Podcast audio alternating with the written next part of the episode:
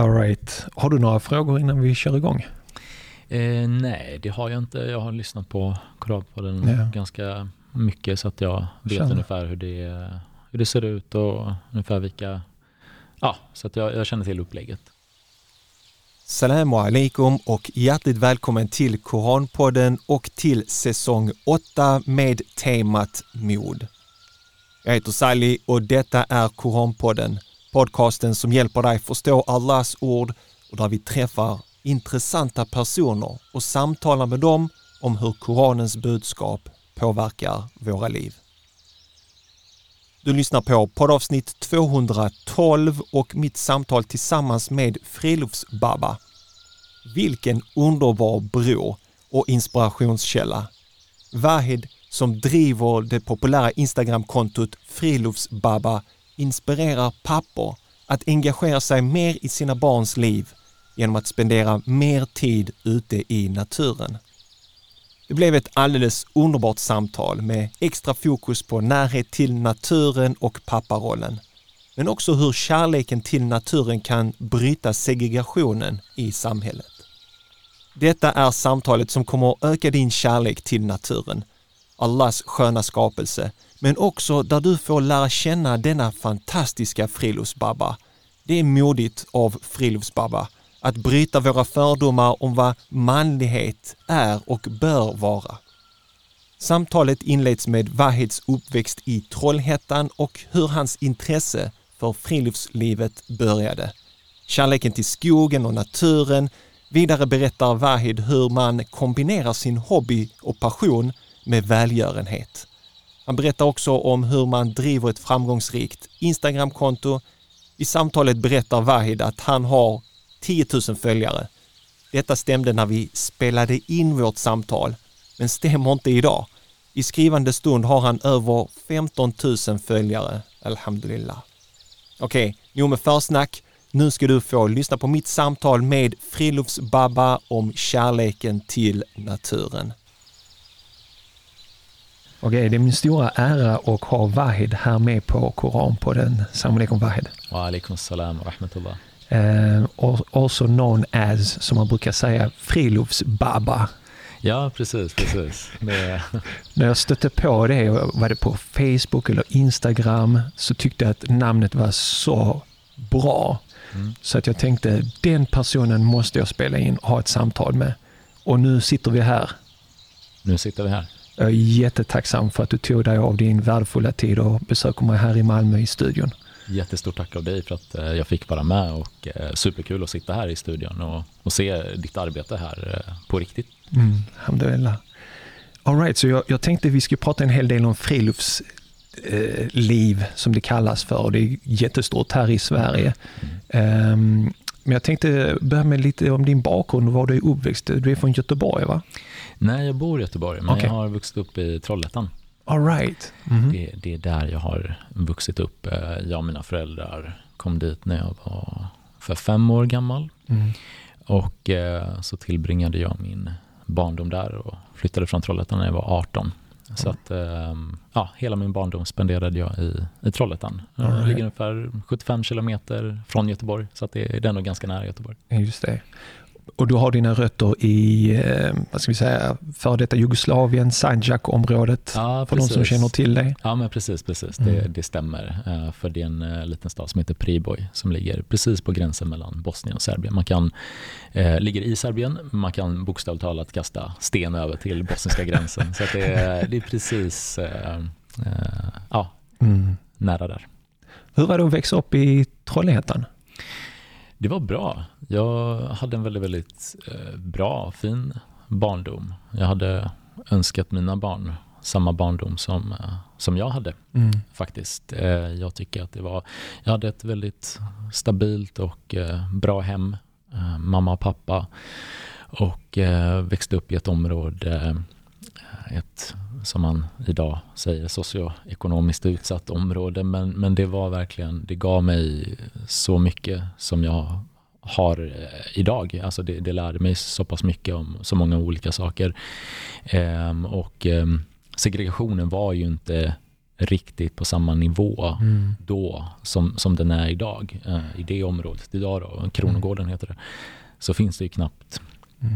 människor med, med, svensk eh, bakgrund. Om man ska tänka elever till exempel på skolor och, och sådär. Mm. Det, det, är ju bara barn med invandrarbakgrund. Um, så, så var det inte riktigt då. Kan du ge några exempel på vad du fick från det här området? Du sa att du fick mycket liksom, positivt. Mm.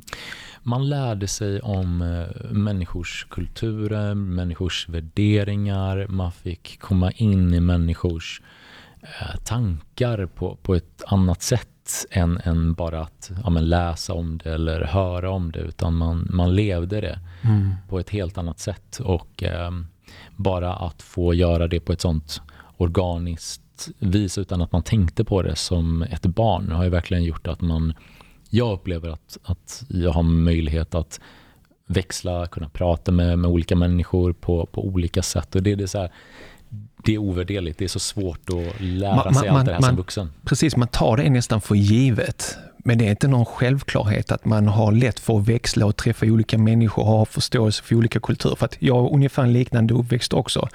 Eh, jag växte upp på en gård med eh, vänner från forna Jugoslavien. Mm. Eh, senare visade det sig att vissa var kroater, vissa var makedoner, vissa var serber och så mm. vidare. Eh, Eh, men vi var barn och vi var kompisar och, vi liksom växte upp tillsammans. Så de pratade olika språk, vi hade olika traditioner och kulturer men vi kunde ändå vara vänner och, och, och prata om våra olikheter och ändå respektera varandra. Och jag tror det har också gett mig otroligt mycket sen i, som, som vuxen att komma ut i arbetslivet och träffa människor som kanske har en annan trosuppfattning. Det är inte någonting som för mig är något märkvärdigt, utan det är liksom ett, någonting naturligt. Mm. Och, och, det här har ju fått eh, namnet eh, kulturkompetens. Okay. det, det, är ungefär så vi, yeah. vi pratar om det idag. Mm. Och eh, väldigt många eh, människor som, som varit barn i, i miljonprogramsområdena känner nog igen det här som vi mm. pratar om eh, här, jag och du. Mm, precis kanske inte tillräckligt mycket värdesatt eller diskuteras inte kanske. Något, alltså just de här mångmiljon områdena och eh, de här, man pratar mer om problemen än om det här kulturkompetens och så, tycker jag. Absolut, absolut. Det, det, det ser vi ju eh, varje dag egentligen skulle ja. jag vilja säga i, i media. Att man pratar om det i mer negativa ordalag medan vi som eh, vuxit upp där eller som bor där eller, eller så va? ser det på ett, ett annat sätt. Eh, och jag tror att vi har en annan bild att förmedla och dela med oss av också. Du sa att du kom när du var fem år gammal. Mm.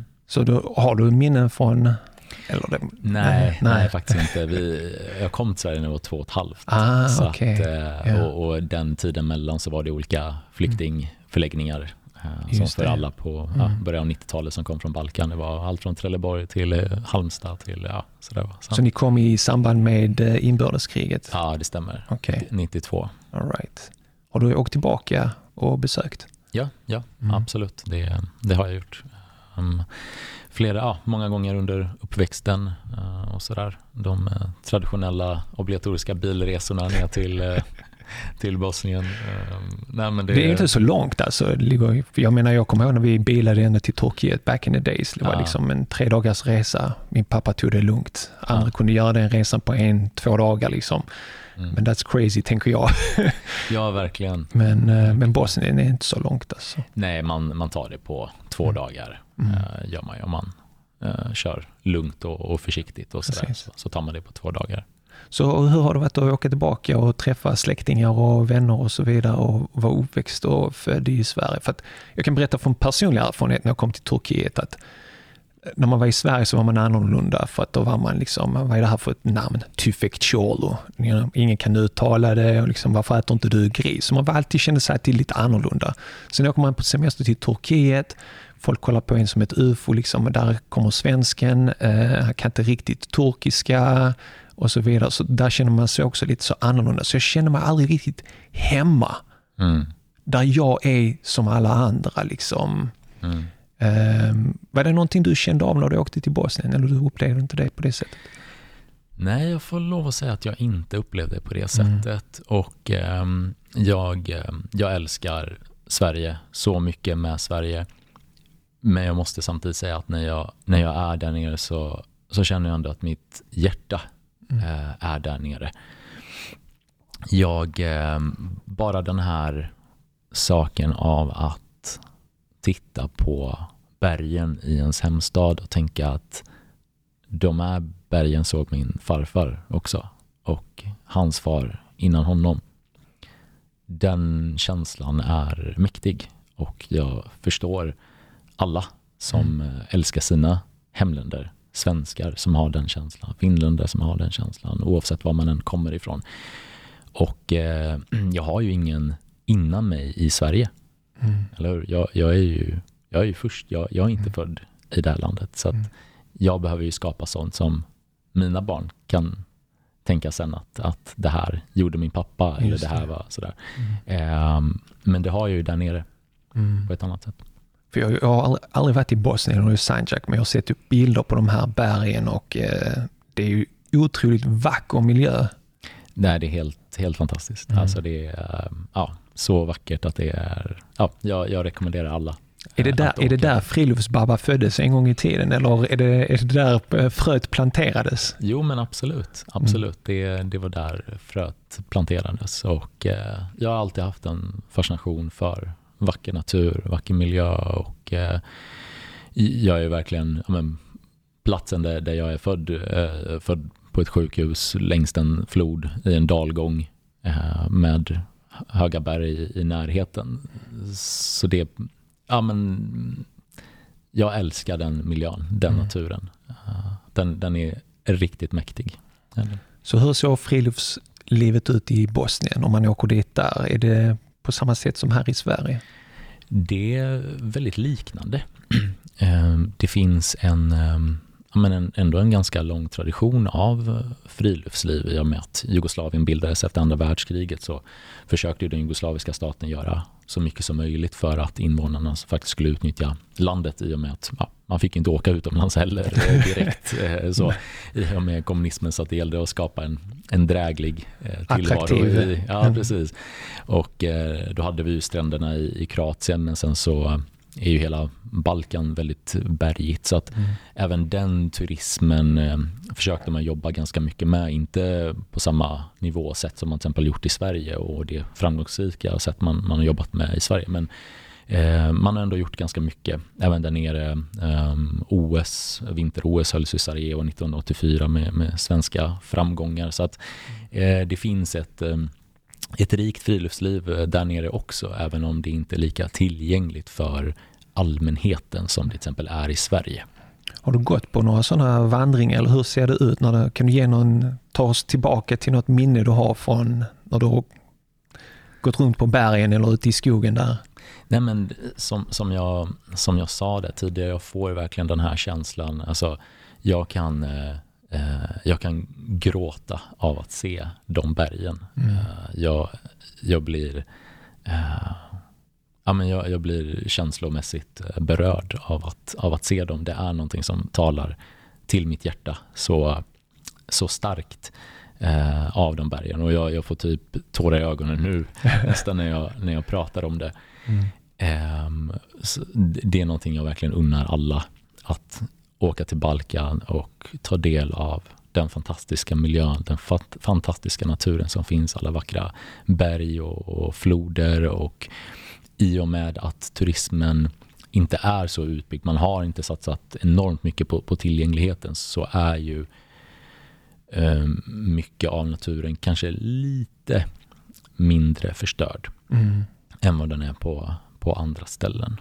Och du tagit packningen då och bara gett dig iväg till de här bergen och tagit med ett tält och tältat eller hur har det sett ut rent konkret? Liksom? Nej, det har jag inte gjort eh, där nere så, så jättemycket. Eh, nu, nu var det några år sedan jag var nere. Barnen, eh, mina döttrar har kommit ganska tätt så vi mm. har stannat, stannat hemma eh, i, mm. i, några år här. Men det är ju någonting som jag längtar efter att få göra med, mm. Eh, med mina barn, med mina döttrar och, och med min familj. Att, ja, men, eh, som du sa, liksom, ta, ta på sig vandringsryggsäckarna eh, och packa tält och mm. eh, ge sig ut i, i naturen och tälta och bara njuta av eh, det man ser. Mm. Så, så det här engagemanget, hur ser det ut här i Sverige? Jag vet att du är väldigt engagerad och till och med varit med på radio och så vidare. Men hur, hur började det rent konkret? Gick du med i scouterna eller?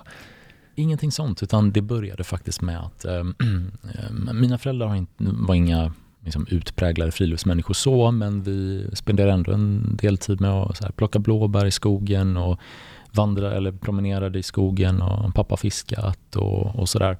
Men det som mest lockat mig, jag läste väldigt, väldigt, väldigt mycket som barn och eh, det jag främst läste var äventyrsromaner.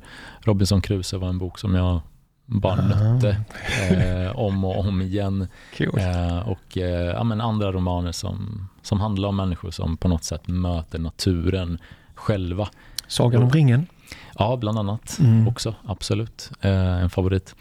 Och eh, det där har alltid talat till mig. Alltså att, att möta naturen, det här äventyret. Mm. Så att jag har alltid haft en viss förkärlek för det. Eh, och försökt röra mig ute i naturen som ung och eh, lekt i skogen. Det tror jag att väldigt många eh, barn kommer ihåg från sin Mm. barndom eh, också. Sådär. Eh, så att, eh, men, sen så har det utvecklats sakta men säkert. Och sen när min, eh, när min fru var gravid med vår äldsta dotter så började jag också tänka lite mer i form av hur kan jag använda det här, inte bara för min egen vinning eller för min, min relation till eh, Gud, utan hur kan jag använda det här för att även stärka min relation till mina barn. Mm. Så det har varit en, och är en, en väldigt stor del av mitt friluftsliv idag. Eh, att Okej. jag försöker använda det till att eh, komma närmare mina barn och Mm. stärka min relation till dem, stärka vår relation. Hur gör ni då? Tar på er kängorna, går ut och plockar blåbär eller hur kan, hur kan en sån dag eller en sån utflykt se ut? Ja, bland Vad annat. innehåller den för aktiviteter? Mm, men bland annat, det behöver inte vara så mycket svårare än så. Man kan Mm. ta och packa en, eh, en varsin ryggsäck. Barnen har sina egna ryggsäckar och så packar man dem inte allt för tungt och så ger man sig ut och kanske plockar blåbär en dag och bara, det är också ett tips till alla föräldrar. Vill, har ni barn som springer runt överallt och ni inte och ni vill ha dem lugna någonstans, ta dem till blåbärsskogen. De kommer att spendera så mycket tid med att bara sitta och, och plocka blåbär. Det finns ju mycket som helst, man blir ju aldrig Mm. färdig. Eh, och så är det gott också. Så att eh, ba- barn sitter verkligen, är min upplevelse i alla fall, ofta Mm. stilla och plockar blåbären och det kan verkligen få lugn på eh, eh, vildaste unge. Mm. Eh, så, det, så, så kan det se ut. Men sen så kan vi också packa eh, väskorna allihopa som familj och ge oss ut och paddla um, och eh, tälta till exempel på någon ö, på någon ö där, där, vi, det bara är vi och så där så har vi med oss våra tält och sovsäckar och liggunderlag och eh, så sover vi där och eh, när barnen har somnat så kan jag och min fru bara sitta och, och ta det lugnt lite på kvällen medan de sover och ja, nej, men det eh, ser ut på väldigt många olika sätt. Mm. Och, jag lyssnade på dig på radio för att jag, jag tänker så, du vet när man, när man tänker så här, nu ska jag ut i skogen så kan, kan man, vissa, man, man kan göra det för stort liksom. Jag tänker då så, ah, jag ska ut, jag, jag måste ha ett tält, jag ska ha stormkök, jag ska ha kängorna, jag ska ha allt, hela kittet, jag ska till Naturkompaniet och så Mm. tittar man på priserna där och bara wow, alright. Det var inte någon dir- direkt billig eh, hobby så, men Mm men det som jag tyckte om när jag lyssnade på dig på radion när du blev intervjuad om frilufts och så- och så vidare, det var, det var att du bara tog ner det och gjorde det väldigt enkelt. Gör det inte så svårt. Börja med någonting litet. Bara gå ut för att ta en 10 minuters promenad eller någonting sånt ute i skogen. Um, och jag, tryck, jag tycker det är så värdefullt att man ska bara göra det så enkelt och så litet och lätt som möjligt. Speciellt när man är ovan kanske att att vara ute i, i naturen. För att är man född och uppväxt i stan och du vet så här så, så är det liksom, ja, vad ska vi göra det i helg? Ska man ut till shoppingcenter? Det är så många som går liksom varv där inne och besöker olika butik från Mm. butik och hänger på något café. Du vet så. Ehm, så att jag ju, bor och uppväxt i Malmö så åker jag till shoppingcenter, tror man jag träffar många muslimer där. Mm. Men åker jag ut i bokskogen så är det inte många muslimer jag Nej, träffar där. Precis. Och jag, jag, jag tycker det är lite synd. ehm, för att jag mår så bra när jag är ute i skogen. Uh, själsligt, ehm, mentalt, Mm. när jag kommer ut i skogen. När jag går i shoppingcenter, jag kan inte säga att jag mår bra. Nej. Jag, jag, jag, jag tycker mindre och mindre om det ju äldre jag blir. Mm. Det är liksom bling, bling, plong och du vet så folk som bara rusar fram och tillbaka och så. Men när jag kommer ut i naturen, det är så frisk luft och jag, jag, man mår väldigt bra. Har du reflekterat över det? Vad är det ute i skogen som gör att människan mår så bra? Ja, alltså det, det är intressant att du, att du säger det. Jag, jag har ju tänkt på det på, på precis samma sätt. Alltså just det här att eh, jag tror att oavsett om man är muslim, kristen, buddhist, uttalad ateist, spelar ingen roll. Visar vi eh, alla de olika typerna av, av människor en, en, bild bara på en vacker natur så fylls inte vi av um, en känsla av, av avsmak mm. utan tvärtom. Vi kan alla se att det här är någonting vackert. Det här är någonting fint. Det här är någonting som eh, en plats som man hade velat spendera tid i. Vissa mer, andra mindre. Eh, och skillnaden är, blir lite bara hur vi, hur vi ser på det. Att vi som muslimer kan, kan titta på det och känna att det här är en fantastisk skapelse av, vår, eh, av våran Herre, mm. eh, av, av våran skapare. Men att någon ser det på, på ett annat sätt då, oavsett vilken liksom, mm. livsåskådning man än har. Och, sådär, va? Eh, och att eh, jag brukar ofta säga att ehm, eftersom att jag följer en hel del friluftskonton så ser jag ju vad folk skriver i deras bio på, på mm. Instagram. Och då kan det till exempel vara så här att folk skriver att eh, skogen är min kyrka. Eller naturen är min religion. Och jag tror att det handlar om att de personerna har sett samma sak som jag har.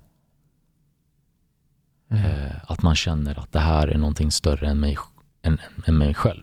Det här är någonting så enormt att man väljer ändå att förknippa det med typ det största som vi har på något sätt. Mm, en, en, religiös upplevelse. En religiös mm. upplevelse i skogen. Upplevelse i skogen som kanske inte är knuten till religion på det sättet eftersom att man inte upplever sig själv som religiös. Mm. Men jag tror ändå att det, alltså, det är samma känsla egentligen. Och jag tänker att den här människan kanske inte har upptäckt sin religiositet eller sin, kanske aldrig kommer göra det eller kanske inte vill göra det. Det finns ju massa olika anledningar till det. Men jag tror att det är samma sätt vi blir berörda på. Ja, om du precis. förstår vad jag menar. Absolut. Ja. Det finns en bror i, i Uppsala som heter Ibrahim Ulf Karlsson och han berättade för mig hur han upptäckte islam och, och det gjorde han ute i skogen. Mm. Han var ute och promenerade i skogen och fick en andlig upplevelse. Det var inte så att det kom ner en ängel eller något sånt, utan han bara... Han, det var länge sedan han berättade, men det var liksom en, en stor... Uh, någon, det var någonting större. Liksom. Det var något, något han, han mötte där som, som berörde honom. Mm. Um, det finns också, jag har intervjuat en syster som är same och muslim. Mm. Jag vet inte om du har hört den uh, ja. intervjun. Och, yes, och hon, hon, har ju liksom ingen moské där, men hon går ut i naturen. Hon sa, naturen är min moské, det är mm. den största moskén och det är den vackraste moskén.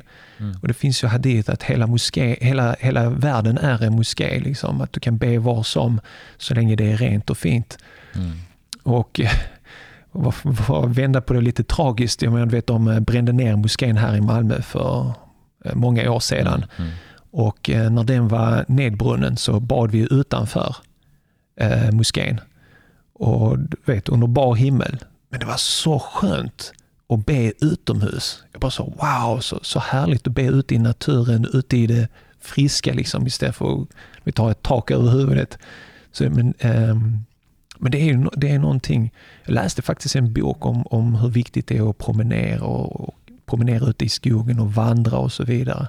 Det finns ju många undersökningar, vetenskapliga undersökningar på detta som har visat nyttan i att promenera och det är många forskare och andra som, som tog många promenader och sen så satte de sig och, och jobbade vidare.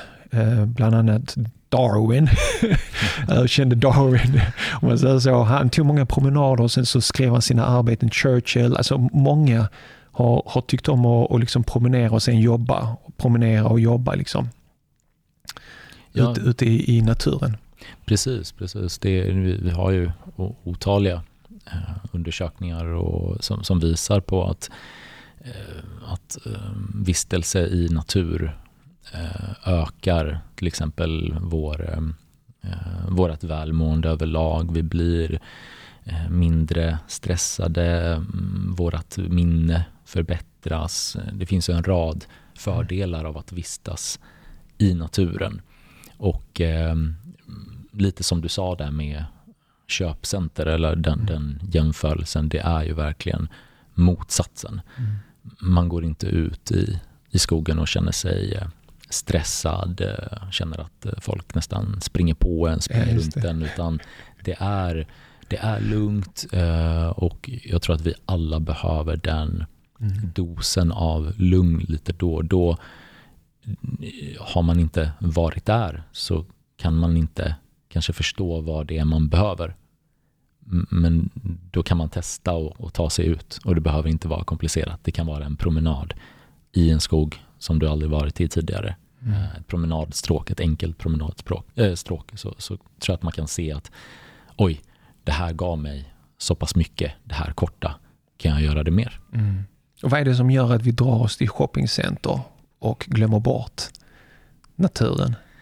Ja, jättebra, jättebra fråga.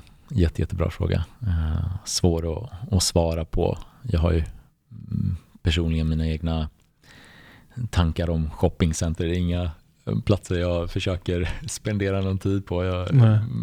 känner lite som du också där, att man bara ja, jag, jag, vill inte vara där. Mm. Uh, man, man, vill inte, ja, det finns så många andra bra ställen att spendera sin, sin tid på. Uh, I moskén uh, eller i skogen.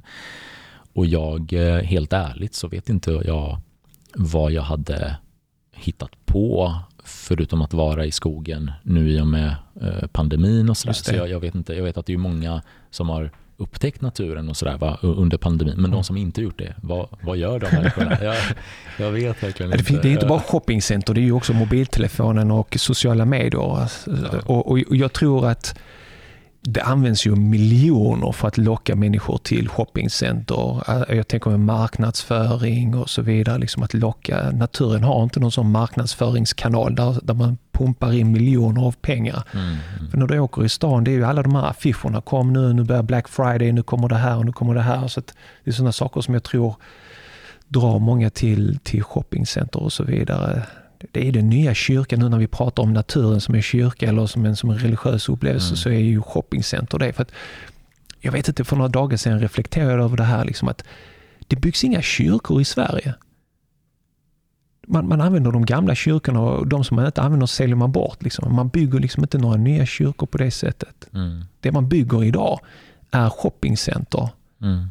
Och, och, jag menar, om du, nu när du är här nere i Skåne, du åker till Hör och du åker till de här små orterna. Varje liten ort, varje liten by har en kyrka. Mm. Så har man rest runt i Skåne och man reflekterar lite grann så, så förstår man att svenskar en gång i tiden, eller skåningar en gång i tiden var djupt religiösa. För det är en stor kyrka i varje liten by. Mm. Det betyder att människor värdesatte det och byggde det och det var i mitten på byn, mm. högst upp. Mm. Men idag, vad är det för någonting vi bygger idag? Vad är det för någonting vi värdesätter idag? Shoppingcenter, stora parkeringsplatser, nya shoppingcenter. Så det, det säger någonting om vad människor värdesätter.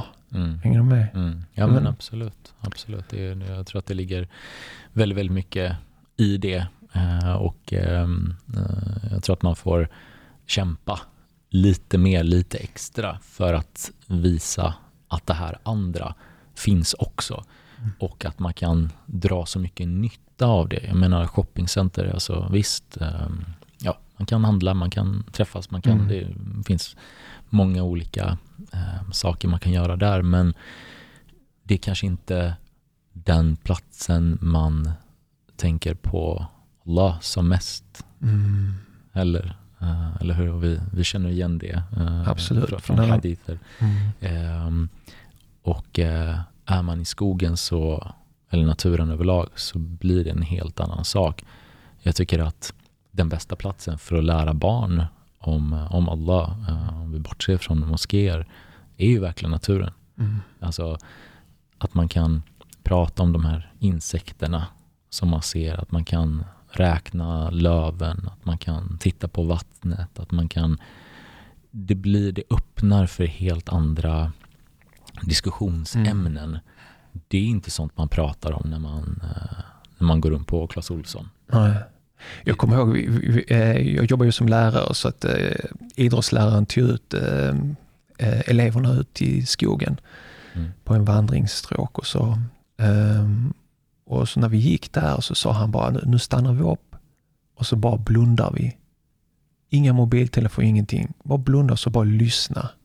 Och så bara hörde man, du vet, fåglarna och, och eh, hur det blåser i löven och så vidare. Det var så roingivande, helt otroligt. Och det, det är som du sa, om man prövade, bara prövade att gå ut och bara uppleva liksom men man måste också försöka aktivera de sinnena, hänger du med? För du kan åka mm. ut i skogen och vara totalt omedveten, gå runt med din mobiltelefon och bara fota och, och scrolla. För det var ju vissa elever som gjorde. De var i skogen men de var inte där ändå. Alltså mm, mm. mentalt var de någon annanstans. Så jag, jag, tror det är väldigt viktigt också att när man, när man är där att man respekterar det, att man stänger man, eh, kanske inte stänga av mobilen, lägga den på ljudlös eller ja, stäng av den för en liten stund. Jag menar, jorden kommer inte gå under för att du har den avstängd för någon minut eller så. Mm. Stäng av not notifikationer och så vidare och bara liksom mentalt vara på platsen istället för liksom åka ut dit där stressad och med mobilen i ena handen och, och så vidare. Mm.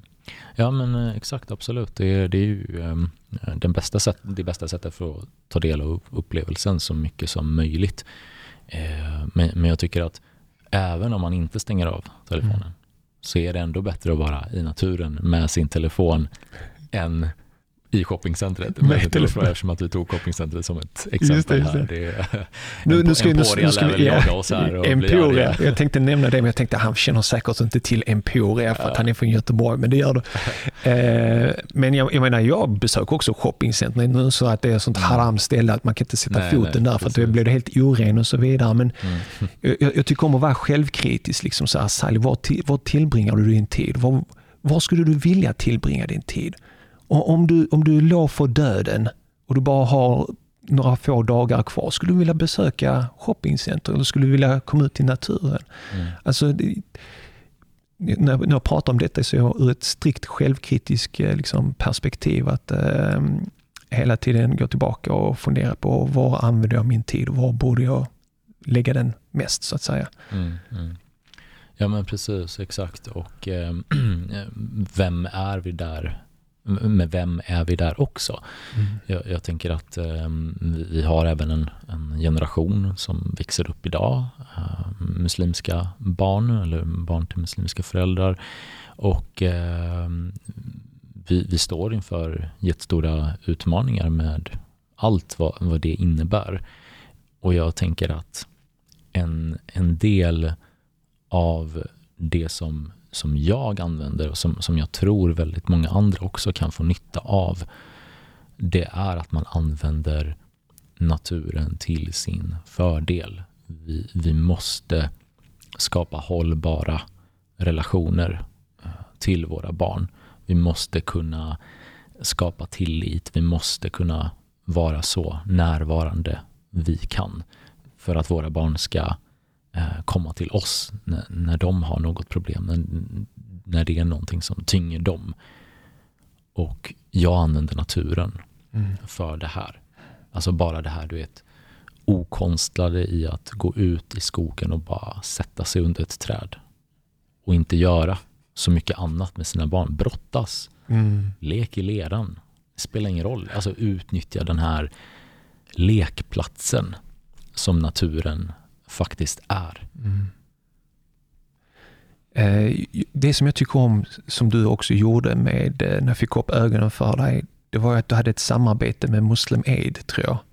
Mm, det eh, och det, det, som jag tycker är fascinerande, det är när man slår ihop sin hobby med välgörenhet eller gör en, en god sak, så att säga.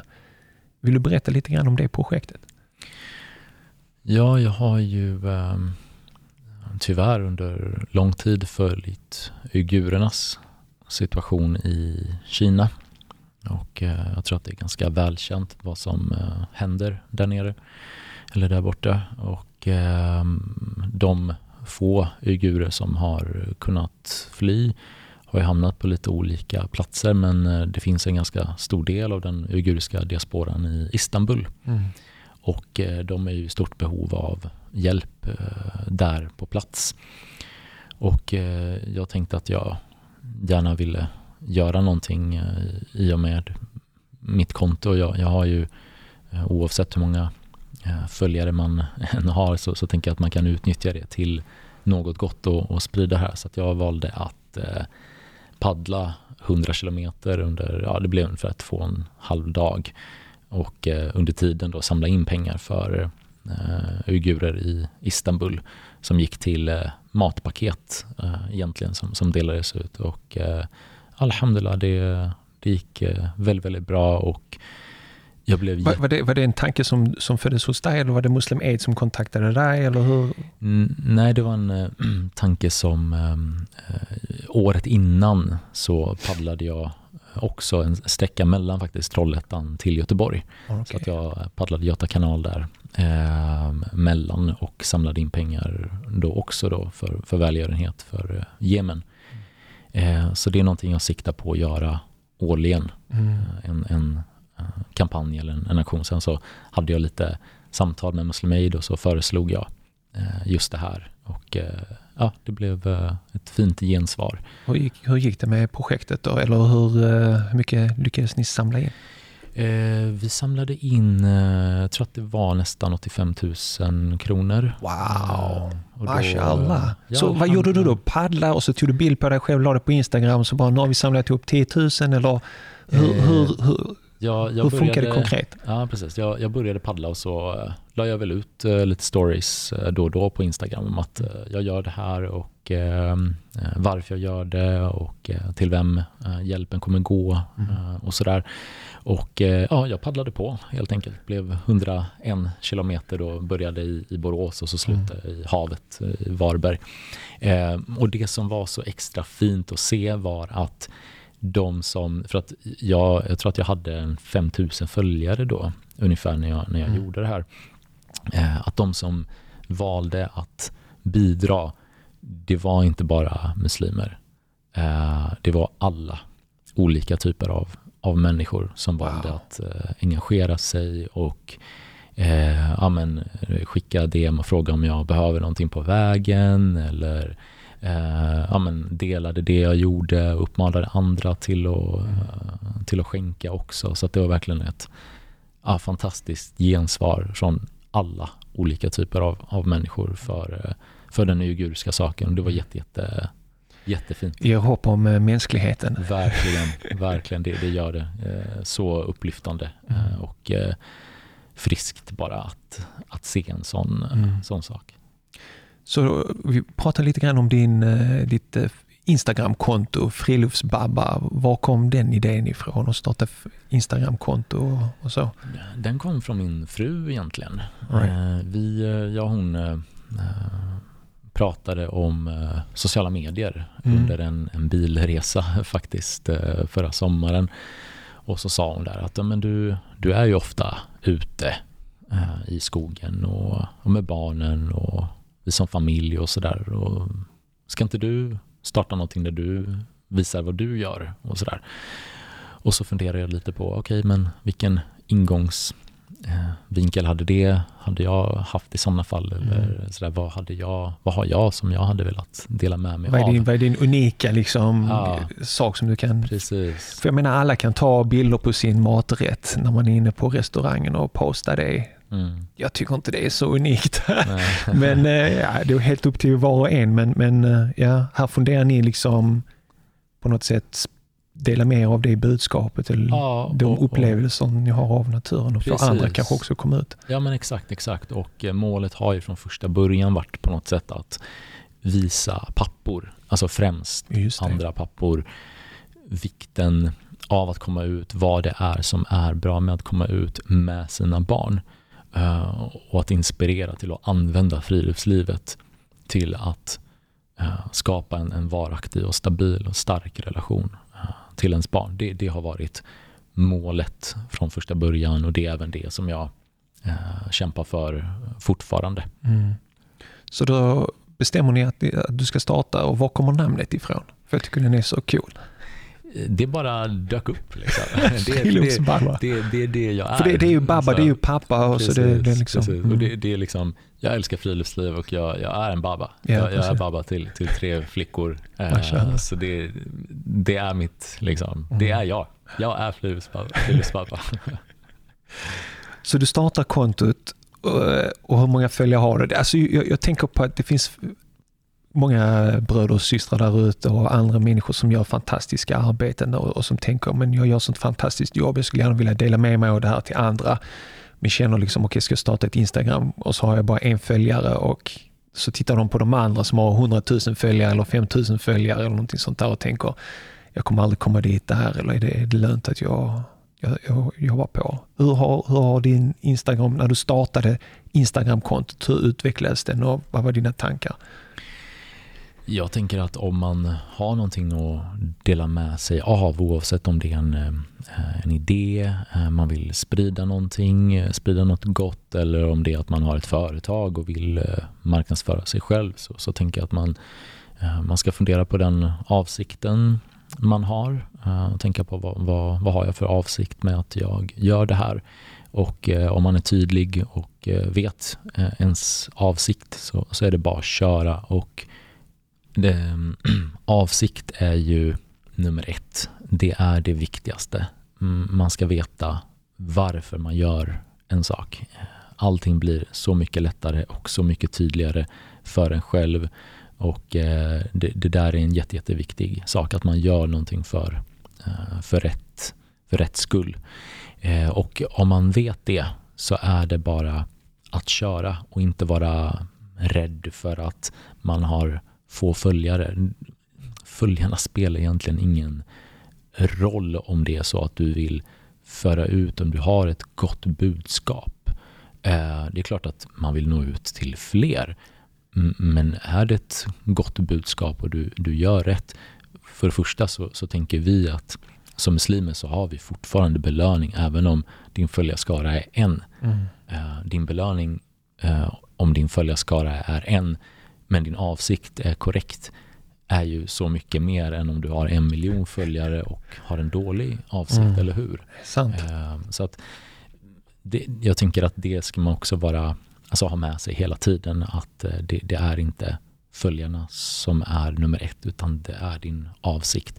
Eh, och, och kämpar man på och, och krigar på för att ingenting kommer gratis Nej. heller, eller hur? Det, så är det. Saker faller inte ner från skyn bara sådär. Det, det, det vet du också så mycket mm. tid och energi och kraft du har lagt ner på dina projekt och, och Koranpodden. Liksom. Jag tänker att det, det är som ett barn för dig, eh, eh Koranpodden. Det är mitt, min tredje grabb. Ja, precis, precis.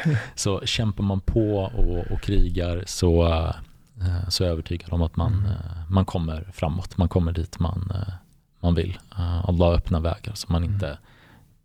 inte tänkte fanns helt enkelt. Jag tänker på hur har responsen varit då? Vad har du fått för eh, kommentarer? Har du fått privata meddelanden och så? Hur reagerar folk på ditt konto?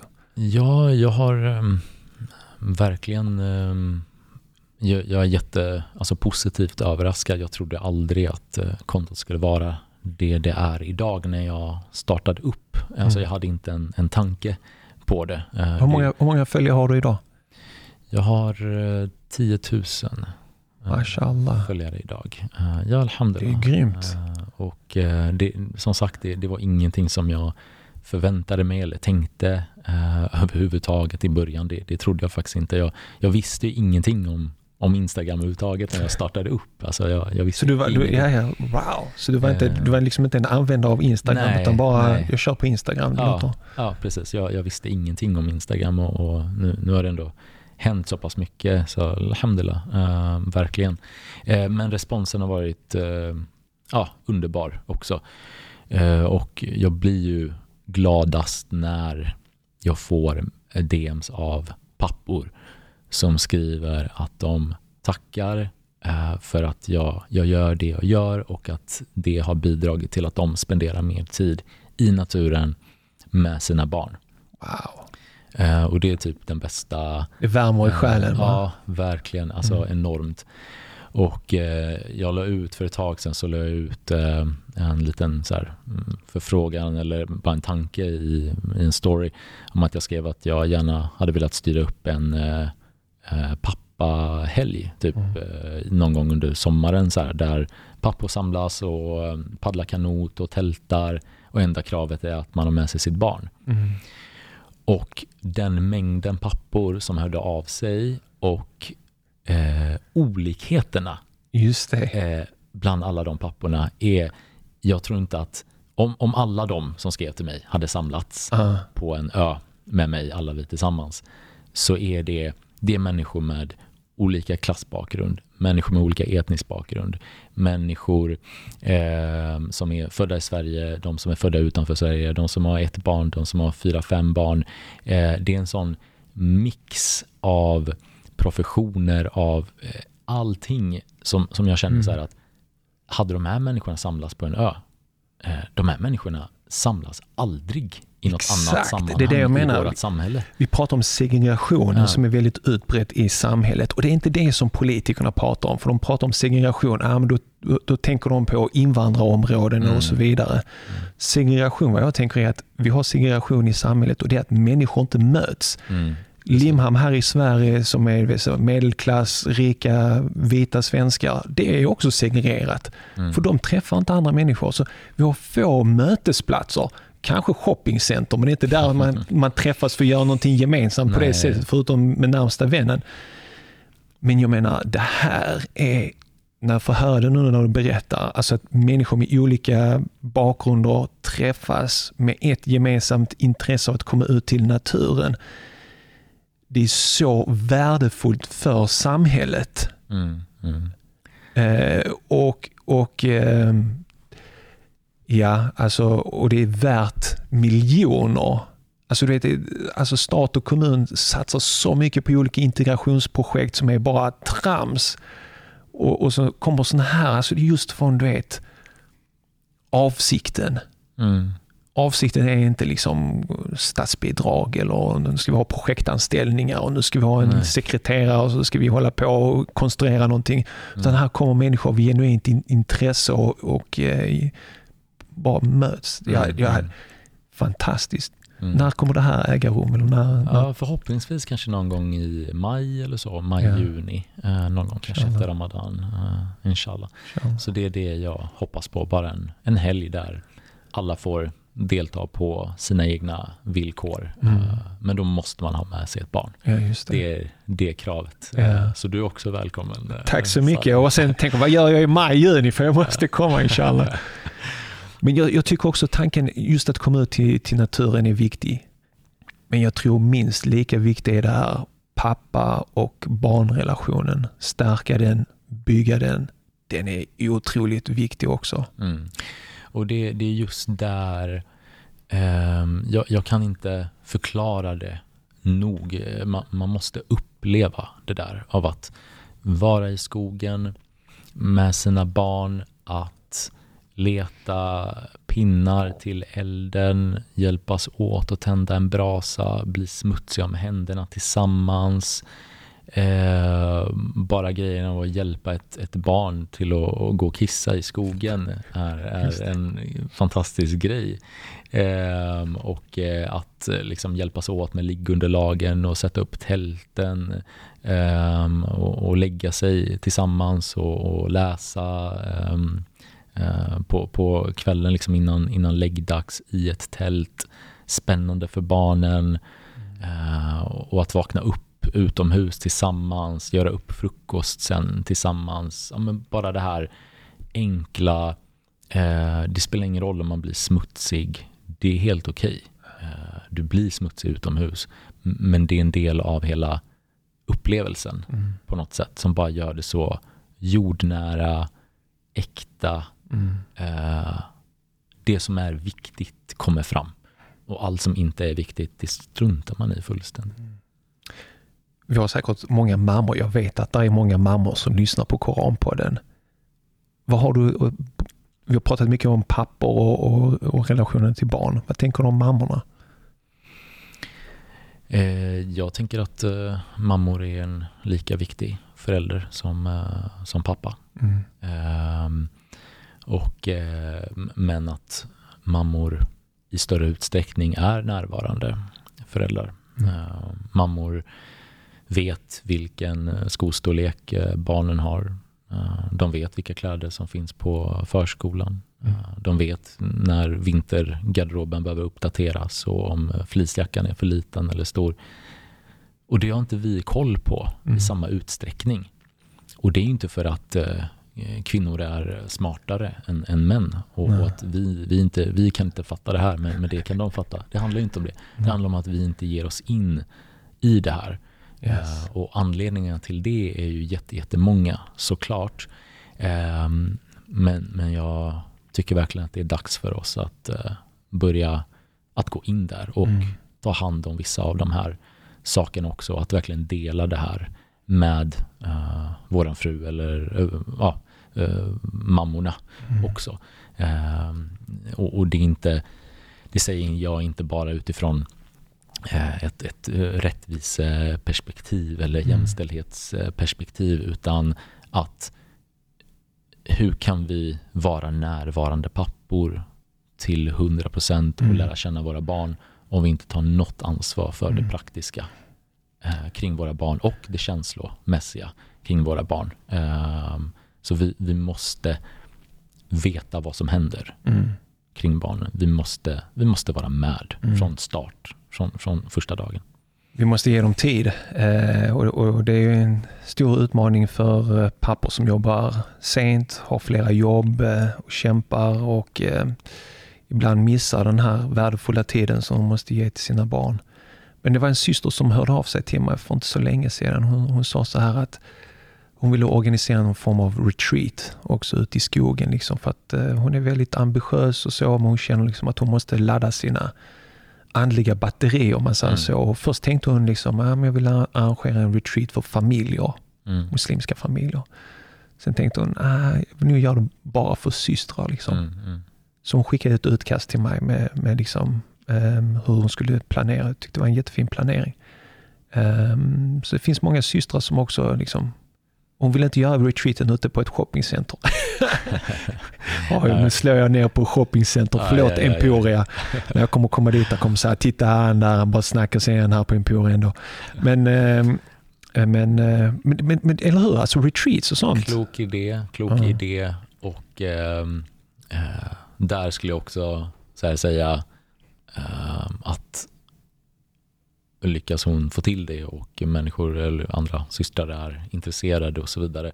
Lämna barnen hemma. Ja, precis. Och det var det eh, som jag tror var hela grejen också. Att de skulle mm. lämna barnen hemma mm. med oss pappor. Då mm. får vi hitta på någonting hemma. Exakt. För de behöver också tid. De behöver också komma, komma ut i naturen och träffa andra och liksom ladda sina batterier och, och få lite egen tid. Det är viktigt. Precis, precis. Det, det är ju väldigt Eh, speciellt i, ja, man, man, kan inte säga muslimsk kultur, men eh, generellt kanske vi människor som, som har invandrarbakgrund eh, specifikt så, så är ju absolut eh, barn kopplat till mamma yeah. fysiskt också. Mm. Om, vi, om vi liksom bortser från tankemönster och, och allt det där. Va? Så där mamman är, där är barnet. Eh, där pappan är, där är inte alltid barnet. Nej, eh, vi har generellt, tror jag, det är min upplevelse i alla fall, mm. mycket mer egen tid där vi, ja, vi är ensamma, det är bara vi. Mm. Eh, och mammor har det mycket mindre. Jag, jag tror att mammor behöver ha det mer samtidigt som vi behöver ha mer tid med våra barn. Mm. Eh, så att det, det, är två flugor i, en smäll om man, om man säger så. Om vi pratar mm. om erfarenheter och så eftersom jag har varit med ganska länge. Det är så många systrar som har hört av sig till mig som du vet, där männen är helt frånvarande. Ute på nätterna, jag vet inte, träffar kompisar, är på kaféer i timmar och aldrig liksom tar ansvar för familjen och för barnen och kvinnorna känner sig ensamma och liksom måste dra, äh, dra i allt det här. Så det, det ligger nog en hel del i det där. Vi behöver nog tänka om där. Ja, det är ett problem som vi, som vi har. Eh, mm. Men det, det, positiva är att det finns mycket utvecklingspotential. Exakt, och det är där jag tycker ditt projekt, Och den här idén är så fantastisk på så många olika nivåer och dimensioner. Både den, att komma ut i naturen men bygga relationer till, till, till barnen och kanske ge lite egen tid till mammorna då när man åker ut på utflykten, tar med sig en, sina kids, hur många man nu tar med. Mm, ja. du, får, du får gärna ta med dig båda. Ja, just det. Varje dag har varit fantastiskt att träffa dig eh, så här. Vi har träffats tidigare i, i Tahara-butiken men inte suttit ner och pratat på det här sättet och lärt känna varandra. Du har ett unikt perspektiv eh, som, som har så många fina dimensioner på, på olika nivåer och plan eh, och som är så otroligt viktig för, vår, för vårt samhälle. Så jag hoppas inshallah eh, och ber till Allah att han ger dig kraft Amen. och energi och tid att fortsätta att driva det här och att, eh, att, att fler får upp ögonen och, och kanske liksom att vi får fler friluftsbabbor där ute. Eh, vi har en original, men vi vill gärna se fler inshallah som, som inshallah. hjälper till och, och driver den här. Vi behöver fler eld, eldsjälar som hjälper till att organisera på olika sätt. Och därför vill jag uppmana mig själv, men även andra, att när det finns någon eldsjäl där ute som, som gör någonting och har någon idé, att man skickar ett DM eller någonting och bara liksom så här, bror jag ser att du planerar detta, finns något jag kan hjälpa till med? För eh, det är lätt att bli konsument, att bara konsumera massa spännande grejer, men vi måste bli bättre på att producera också och hjälpa till och stötta. Och det, det är min övertygelse. Tack så jättemycket eh, för, för dina fina ord. Det, det värmer verkligen att, att höra.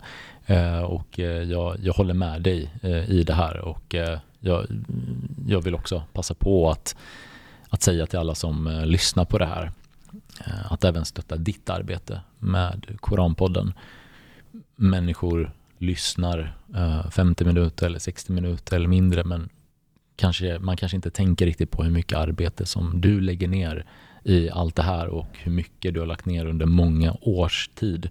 Eh, så den som kan stötta genom att dela på Instagram dela. Den som kan stötta genom att skicka ett, ett eh, fint eh, DM eller, eller mm, liksom dela med sig av det här till, till en annan individ, gör det. Den som kan stötta med, eh, med pengar och, och bidra till att upprätthålla det här fina och den här fina podden, gör det. Jag tänker att alla kan, kan göra någonting. Så jag vill verkligen uppmana alla till att stötta dig i det här arbetet. Amin, tack så mycket. Och vi, vi, man träffar så många fantastiska syskon som gör så många fantastiska saker. Men jag vill också passa på att säga liksom att den kärlek som jag har mött av muslimer i Sverige främst, uh, uppskattning, stöttning på alla möjliga sätt uh, har varit helt enastående. vi har en fantastisk samfund där ute. Det är inte alltid vi hör det i media.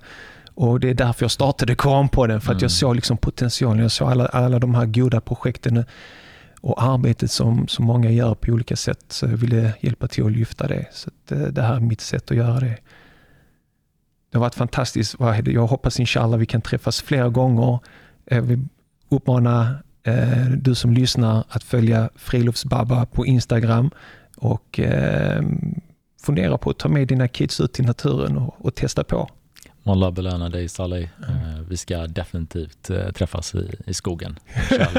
Exakt, nästa gång spelar vi in ute i skogen. Jag får ta med mig utrustningen. Inshallah. Bara se till så att den är vattensäker först. Det är lite ja, elektronik och sånt. Vi löser det. Vi löser det. Tack så mycket. Salam alaikum. Wa alaikum salam wa rahmatullahi wa barakatuh. Tack för att du lyssnade på mitt samtal tillsammans med Friluftsbabba. Något som jag tar med mig från mitt samtal med Friluftsbabba är kärleken till naturen och att spendera värdefull tid där istället för att ständigt ta våra barn till inomhusaktiviteter som kostar pengar. Naturen är gratis och bra för hälsan och det psykiska välmåendet. Jag har lovat mig själv att spendera mer tid i naturen och jag hoppas att du också gör det efter att ha lyssnat på vårt samtal. Om du fann samtalet med Friluftsbabba lika inspirerande som jag gjorde skulle jag uppskatta om du delade samtalet med en pappa som har småbarn. Skicka ett mail eller ett sms med direktlänken till samtalet koranpodden.se 212. Nästa vecka är avsnittet en klassisk föreläsning. Det är min föreläsning Gollum och striden mot egot. Det blir min tolkning av det kända fantasyverket Sagan om ringen av Tolkien. Här är ett kort utdrag från föreläsningen. Man ska vända det redan nu. Även om jag har gjort synd för fem minuter sedan, Allah subhanahu wa ta'ala älskar om jag vänder mig till honom och ber om ursäkt. Om jag ber om förlåtelse. Allah älskar det, även om jag har gjort den största synden. Ni känner till den hadithen om den personen som mördade 99 personer. Han hade 90, mördat 99 och han fick Allahs förlåtelse. Det finns många exempel i, i, i hadith-litteraturen eh, om, om detta. Missa definitivt inte nästa veckas föreläsning Gollum och striden mot egot. Speciellt inte om du har läst Sagan om ringen eller sett filmerna. Många nya muslimer i vårt land finner stor inspiration och lär sig något nytt varje vecka om sin nyfunna tro via Koranpodden. Och vi behöver ditt fortsatta stöd för att fortsätta hålla Koranpodden aktiv och vid liv. Som du kanske redan känner till så drivs Koranpodden uteslutande av våra lyssnare och deras frivilliga donationer. Vi har inga reklamintäkter eller bidrag från staten. Du kan enkelt och snabbt donera en engångssumma via vårt swishnummer som du hittar enkelt på vår hemsida koranpodden.se. Klicka på donera i menyn. Må Allah belöna dig rikligt för ditt stöd. Följ oss på Facebook och Instagram där du kan följa arbetet med Koranpodden bakom kulisserna och följa arbetet med säsong 8. På vårt Instagram postar vi regelbundet inlägg med inspirerande citat ur Koranen och från våra olika avsnitt. Vill du komma i kontakt med mig eller vill tipsa om någon som du vill att jag intervjuar så gör du det lättast genom att mejla mig på hej koranpodden.se.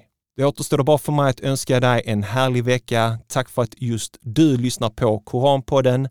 Vi hörs igen nästa vecka på måndag med ännu ett nytt poddavsnitt. Ta hand om dig tills dess. Salam alaikum wa rahmatullahi wa barakatuh.